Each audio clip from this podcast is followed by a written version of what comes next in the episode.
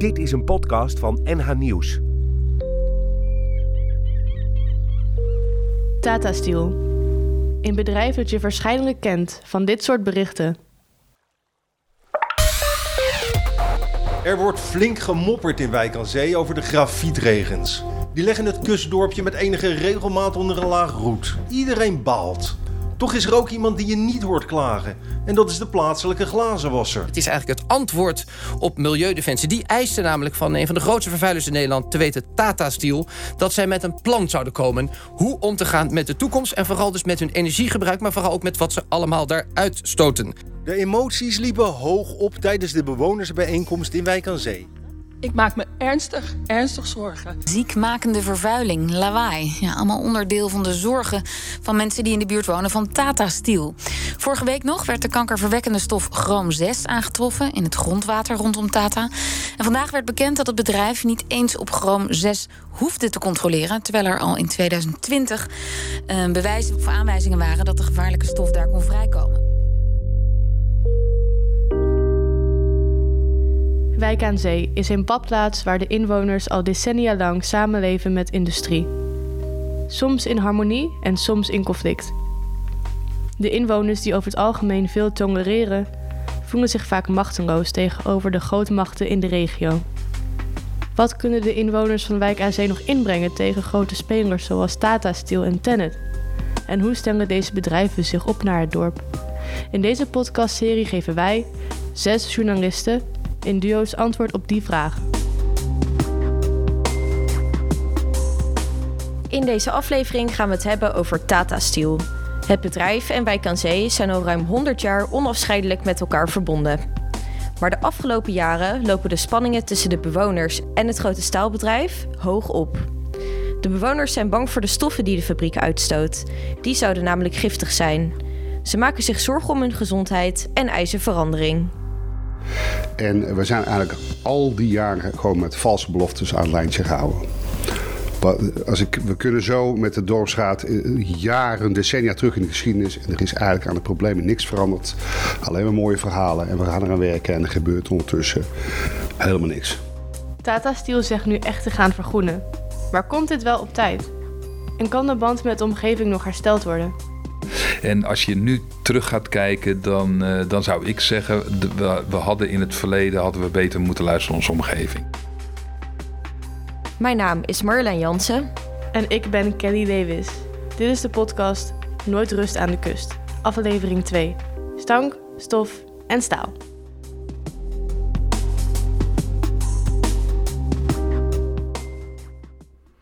We komen in contact met Hans Dellevoet. Hij woont dicht bij Tata Steel in Wijk aan Zee. Hij probeert al jaren samen met de dorpsraad iets tegen de uitstoot van de fabriek te doen. Zonder succes, zegt hij zelf.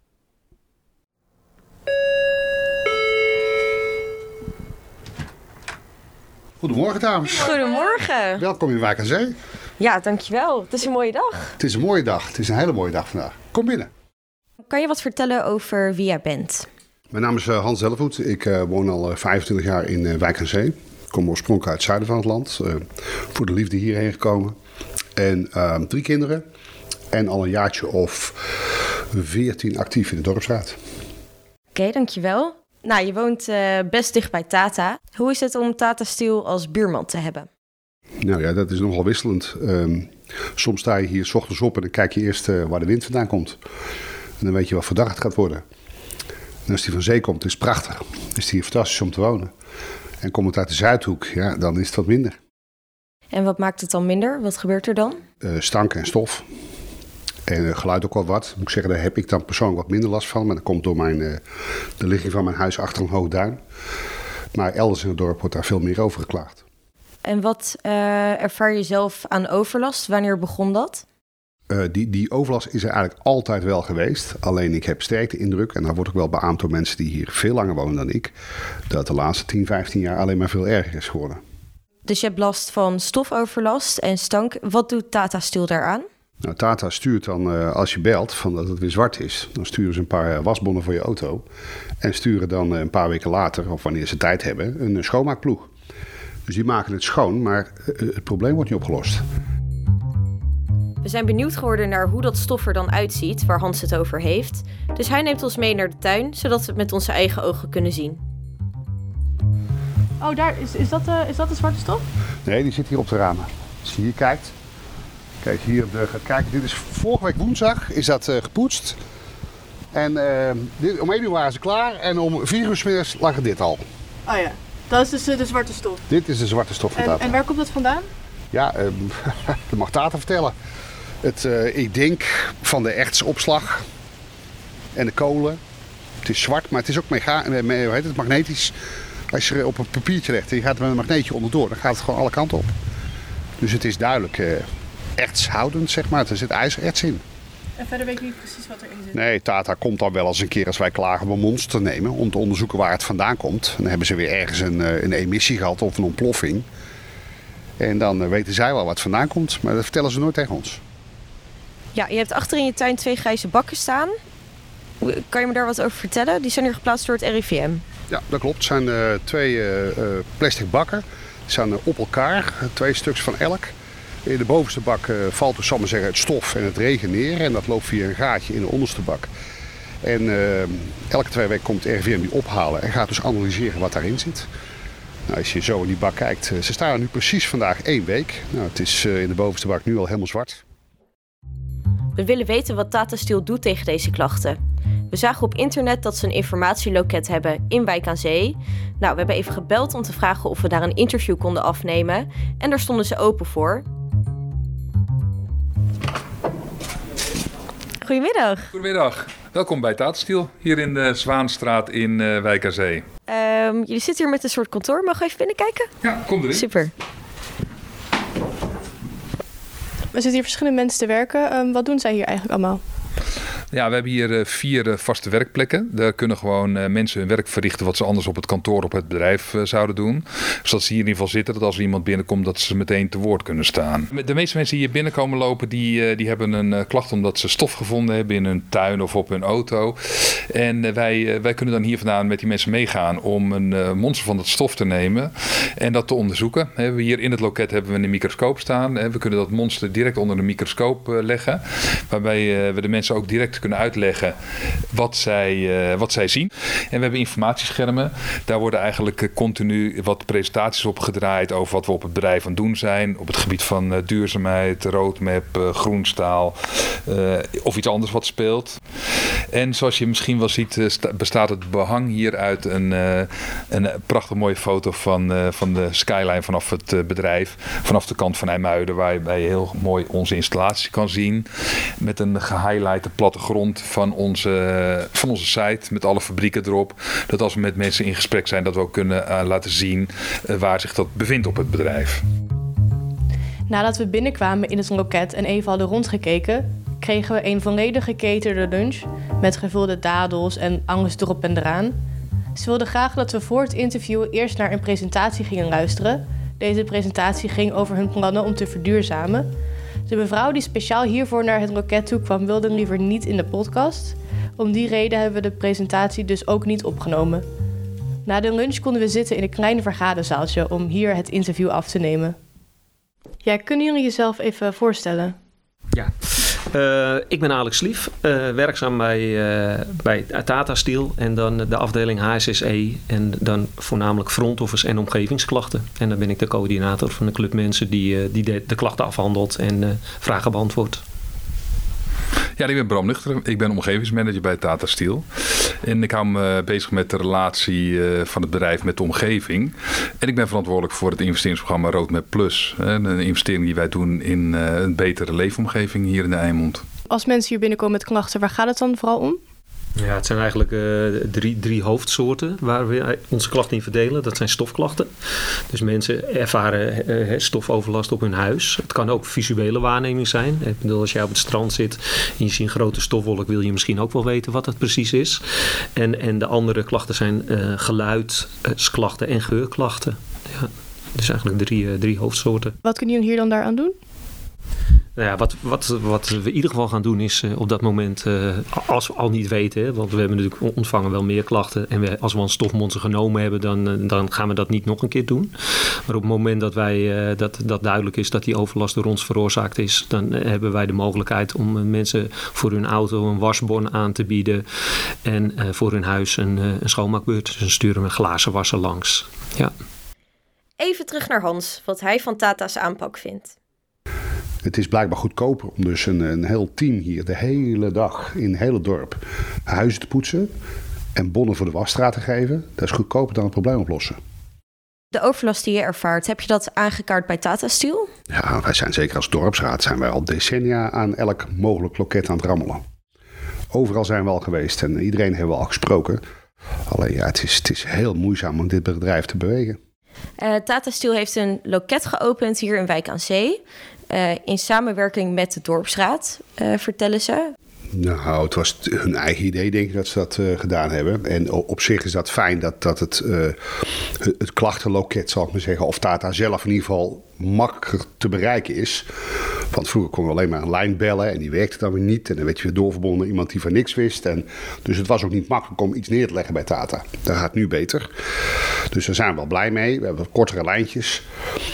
Maar het is, ja, wederom, men investeert wel in een communicatiekanaal. Maar we zien liever dat het probleem opgelost worden. Tata Steel zegt dat ze hard bezig zijn om te verduurzamen. We hebben tijdens de lunch allerlei flyers en brochures gekregen over de plannen voor de komende jaren. We pakken ze er even bij. Ja, Tata heeft twee plannen opgesteld. De eerste heet Groen Staal. Daarover later in de podcast meer, want we gaan het nu eerst hebben over de Roadmap Plus. Dat is een plan om de uitstoot en de overlast te verminderen. Ja, in die roadmap staat dat Tata Steel belooft onder andere de uitstoten van bakstoffen terug te dringen met 55%. Daarnaast willen ze ook 85% minder geuroverlast veroorzaken. En daarnaast moet de uitstoot van zware metalen met ruim 55% afnemen. Deze plannen willen ze in 2023 grotendeels gerealiseerd hebben. Hier heb je hem liggen. Heb je die eerder gezien? Ja, in allerlei verschijningsvormen, beloftes en knipsels en PowerPoint-presentaties is die al voorbij gekomen. Dus ja, ik ben er wel mee bekend, ja. En um, wat, wat denk je als je dit ziet? Ja, het, is, het, het, zijn weer een hele hoop mooie verhalen met, met, met targets van we gaan stofoverlast met 80% verminderen en de stang met zoveel procent. En ik moet eerlijkheidshalve beginnen, wij merken er niks van. Sommige mensen die hier in de buurt wonen, die zeggen van ja, maar we hebben die plannen al een keertje gehoord. Wat maakt dit keer anders? Nou, ik, ik, denk niet dat we ooit zo concreet uh, geformuleerd hebben welke, welke uh, doelen wij nastreven of welke KPI's wij gaan behalen als het gaat over het verminderen van, uh, van de uitstoot. We hebben het nu heel concreet gezegd. Het voorbeeld is de Sinterfabriek, waar we toen ook niet zo concreet geformuleerd hebben wat we gingen realiseren, maar wel neergezet en hebben we gerealiseerd. Ehm, ik ben me niet zo bewust van beloftes die we eerder gedaan hebben en niet nagekomen zijn. Ik, ik ben me daar niet van bewust. Nou, vroeger wilde men vooral praten, maar dan, en dan bedoel ik echt, wil Tata graag zenden, maar vooral niet luisteren. En we zijn eigenlijk al die jaren gewoon met valse beloftes aan het lijntje gehouden. Als ik, we kunnen zo met de dorpsraad eh, jaren, decennia terug in de geschiedenis. En er is eigenlijk aan de problemen niks veranderd. Alleen maar mooie verhalen. En we gaan eraan werken en er gebeurt ondertussen helemaal niks. Nou, Tata zegt in ieder geval hard te werken aan oplossingen. Maar Hans zegt eigenlijk dat ze lang niet genoeg doen. Dus daarom gaan wij de straat op om te kijken wat andere bewoners vinden. Vindt u dat uh, Tata Steel genoeg doet uh, om die overlast te verminderen? Geen idee, ik denk het niet. Kunnen ze ook niet, denk ik. Ik heb daar nog niet echt een mening over, maar volgens mij kunnen ze wel meer doen. Ik weet dat ze een eigen milieuafdeling hebben, dat ze altijd al heel goed hun best doen. Dat het altijd een financieel plaatje is. Van wat betalen ze zelf en wat doet de overheid? Ik denk van wel, ik weet het niet. Maar ik vind wel dat mensen die mopperen, die moeten ook eens bedenken dat Tata Steel voor de werkgelegenheid heel goed is. Ik denk dat ze wel hun best doen, maar uh, het is een bedrijf en ze vechten ook voor, voor, voor hun bestaan. En dan de belangen van de, van de mensen, de, ja, het is een hele soep, zou ik maar zeggen. En een soap. Uh, ik denk dat ze een beetje te laat begonnen zijn. Ja, verdeelde meningen dus. Wat we wel vaker terug horen komen is dat Tata Steel volgens de bewoners eerder had kunnen beginnen met de plannen. Uh, we vragen ons af waarom dit niet is gebeurd, dus die vraag die stellen we aan Bram. Waarom zijn jullie eigenlijk niet eerder begonnen? Nou, de, de, de, we zeggen, wij zijn eigenlijk al uh, altijd bezig geweest met proberen om, om zeg maar, nou, de uitstoot te verminderen, om de leefomgeving uh, beter te maken. We hebben nu uh, bij de roadmap hebben we natuurlijk een, een heel programma gelanceerd. In 2012 bijvoorbeeld hebben we een filterinstallatie gebouwd op onze Sinterfabriek, wat op dat moment de fabriek was met de meeste uitstoot. misschien al bijna weer vergeten, maar met die installatie hebben we 95% van onze looduitstoot hebben we daarmee verminderd. Uh, enorme reductie van uitstoot van dioxine, andere stoffen, et cetera. We zijn eigenlijk er altijd mee bezig. Alleen we hebben nu bewust heel erg de publiciteit gekozen met die roadmap. Om te laten zien dat wij actief werken aan een uh, schone leefomgeving. Nou, jullie lieten ons in ieder geval net zien dat jullie al best wel veel gedaan hebben om de uitstoot te verminderen. Tegelijkertijd komen er niet per se minder klachten binnen. Hoe kan dat? Dat komt omdat je eigenlijk een verschuiving krijgt in, in het klachtenpatroon. Het, het, in het verleden was het zo dat mensen echt een klacht indienen op het moment dat ze echt overlast uh, ervaarden. En je ziet nu ook dat, dat het indienen van klachten gebruikt wordt uh, als instrument om, uh, om, om Tata Steel wakker te schudden of in ieder geval aan de gang te krijgen ik zeg niet dat, dat, dat er op het moment dat die klachten binnenkomen geen geuroverlast is. Maar je ziet gewoon de mate van, van geuroverlast is gewoon stukken minder dan dat dat, uh, dat het hiervoor geweest is. En ja, dat zie je jammer genoeg niet terug in de hoeveelheid klachten die we ontvangen. Ja, en, er, er, is ook wel, er is ook wel een verdeeldheid. De verdeeldheid, de, mensen denken er verschillend over. Hè?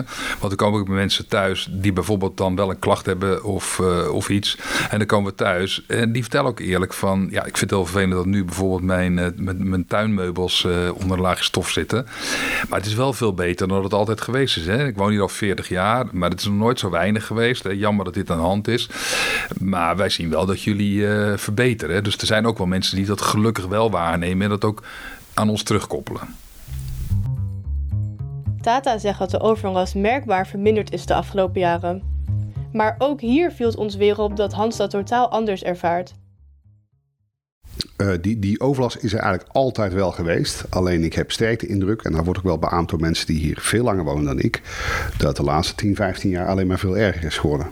Nou, we zien hier eigenlijk alles een beetje ondersneeuwen onder een zwart, donkergrijze, uh, grove stoflaag. Die alles uh, ja, uh, smerig maakt. Maar nu, nu zitten we wel op een pad dat er nu wat gaat bewegen. Want nu wordt men langzamerhand wel wakker. Hebben jullie in het verleden genoeg geluisterd naar mensen? Ja, ik denk dat ik, het, uh, dat is een lastige vraag. Hè, want uh, de, de wereld is veranderd. We, we leven anders met elkaar. En als je nu terug gaat kijken, dan, uh, dan zou ik zeggen, we, we, hadden in het verleden hadden we beter moeten luisteren naar onze omgeving. Dus je kijkt nu terug met de bril van nu naar dingen die in het verleden gebeurd zijn. En dat is altijd makkelijk. Maar ik denk dat we daar uh, beter hadden kunnen doen er is natuurlijk een groep mensen die, die je eigenlijk een soort van kwijt bent. Ja, en het mooiste is als we deze mensen ook uh, weer met deze mensen ook weer in gesprek raken. Want ik, ik denk dat je het met z'n allen moet doen. Met de omgeving en met het bedrijf. Is het hier in het dorp ongemakkelijk om over Tata Steel te praten? Het geeft een schisma, hè? Een heleboel mensen, hun vader hebben daar hun hele leven gewerkt en een goede boterham aan verdiend. En eh, de nieuwkomers die denken, bad, het stinkt hier. Ja, dat is een, eh, geeft een scheur, maar dat vind ik heel erg, heel erg, heel erg jammer. Ja, dat is, Tata Steel is zeker een ongemakkelijk onderwerp voor deze omgeving. Of het nou Wijk aan Zee, Beverwijk uh, en andere IJmuiden, dat maakt allemaal niet uit. Het is uh, gevoelig. Ja, die reageren heel scherp en heel erg uh, fanatiek. En ik heb er even minder last van. nou, het is heel dubbel. De echte wijkenzeers die hier al generaties wonen, ja, die mensen hebben er altijd hard gewerkt in de hooggolvels. Ja, die, die vinden, het, ja, dat is, er hoort erbij gewoon. Ik kom uit Amsterdam, ik woon hier pas zes jaar. Dus ja, en er zijn heel veel mensen die geïmporteerd zijn hier. En die hebben dan een hele grote mond. En die krijgen dan weer ruzie met de echte oude wijkenzeeërs. Weet je, van dan kom je hier wonen en dan kom dan niet wonen hier, weet je wel. Dat soort uh, discussies krijg je. Blijf dan weg.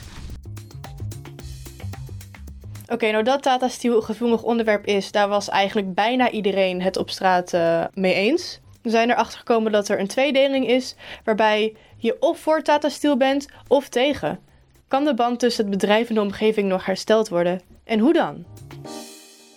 En het enige wat wij daaraan kunnen doen is open zijn. We stellen onze deuren open. We nodigen mensen uit om binnen te komen om te praten over wat voor overlast ze ervaren. Eh, daarnaar kijken en onze maatregelen daarop uh, op afstemmen.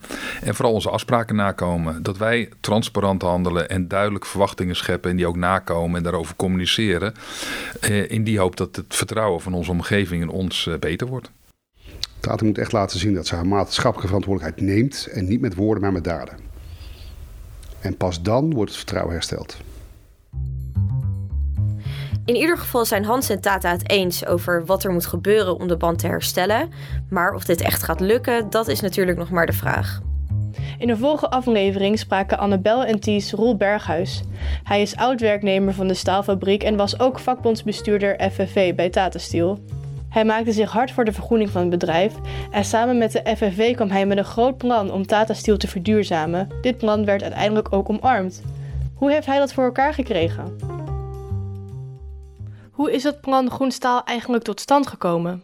In 2020 ben ik benaderd door kaderleden, vakbondskaderleden binnen de FNV. En ze vroegen of ik uh, een aantal jaren uh, Tata Steel als vakbondbestuurder wilde doen.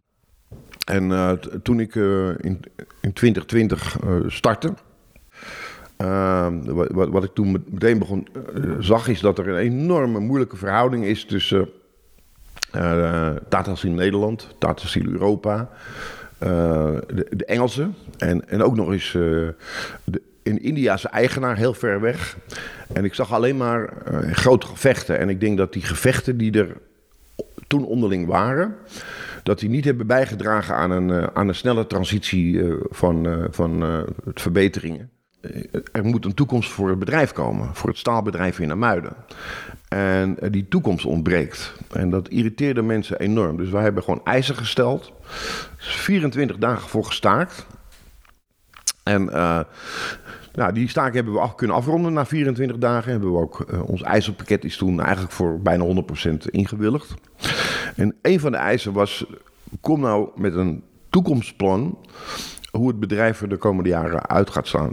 Uh, qua kennis en kunde, maar ook qua reductie van CO2 en andere schadelijke stoffen.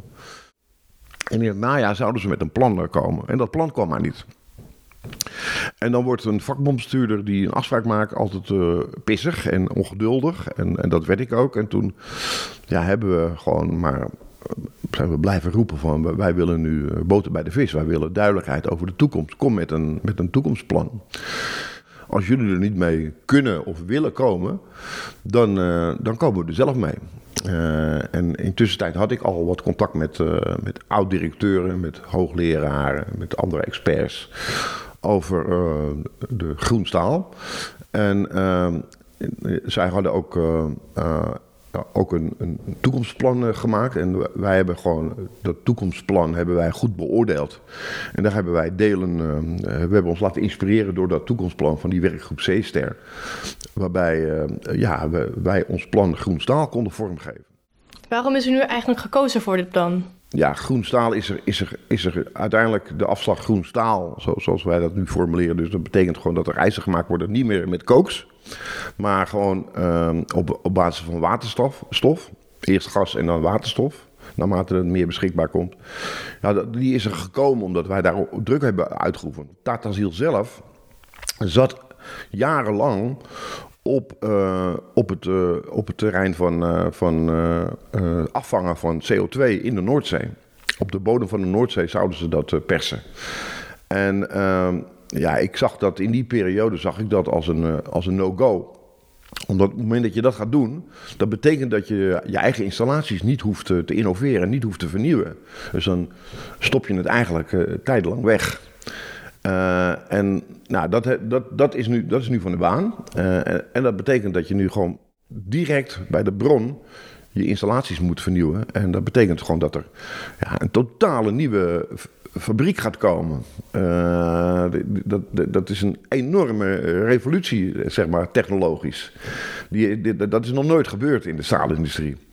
En ik denk dat andere bedrijven in, in Europa zeker, maar ook in Amerika, ook op de route gaan zitten van dat je staal moet maken op basis van, eh, van waterstof. Hoe zeker is het dat deze plannen doorgaan? 100 procent. 100 Er, is, er is ook geen weg meer terug. Uh, alles wat er, wat, lijkt erop dat het gewoon nu in gang eh, gezet worden, wordt. Uh, maar over de snelheid valt natuurlijk nog wel te discussiëren. Dat vind ik ook. En ik geef de mensen in Wijkenzee direct gelijk dat, dat, dat er wat moet veranderen. Uh, en ik denk dat de meerderheid van Wijkenzee ook van mening is dat het bedrijf moet blijven. Maar dat ze wel heel hard moeten gaan vergroenen. Bovendien is staal uh, altijd nodig. Al zou je misschien niet kunnen bedenken dat dat zo is. Maar uh, als je om je heen kijkt, we leven in staal. De bruggen zijn van staal, de, de wasmachines, de auto's, alles is, is, bijna van staal. Het is een superproduct wat zo schoon mogelijk gemaakt moet worden. Dat, daar ben ik het wel mee eens, ja. Vindt u dat uh, Tata Steel gewoon hier in Wijk aan Zee moet blijven? Dat vind ik wel. Ja, ik denk het wel. En waarom? Nou, het zorgt voor een hoop werkgelegenheid in de omgeving. Het is natuurlijk niet van deze tijd om zo'n vervuilende industrie hier te hebben. Dus als daar een goede oplossing voor kan zijn, dan ben ik daarvoor. Als ze schoner worden, kunnen ze blijven hier, wat mij betreft. Maar anders, uh, misschien beter om ergens anders naartoe te gaan. Ja, absoluut, ja. Voor de mensen, voor de werkgelegenheid, ja. ja.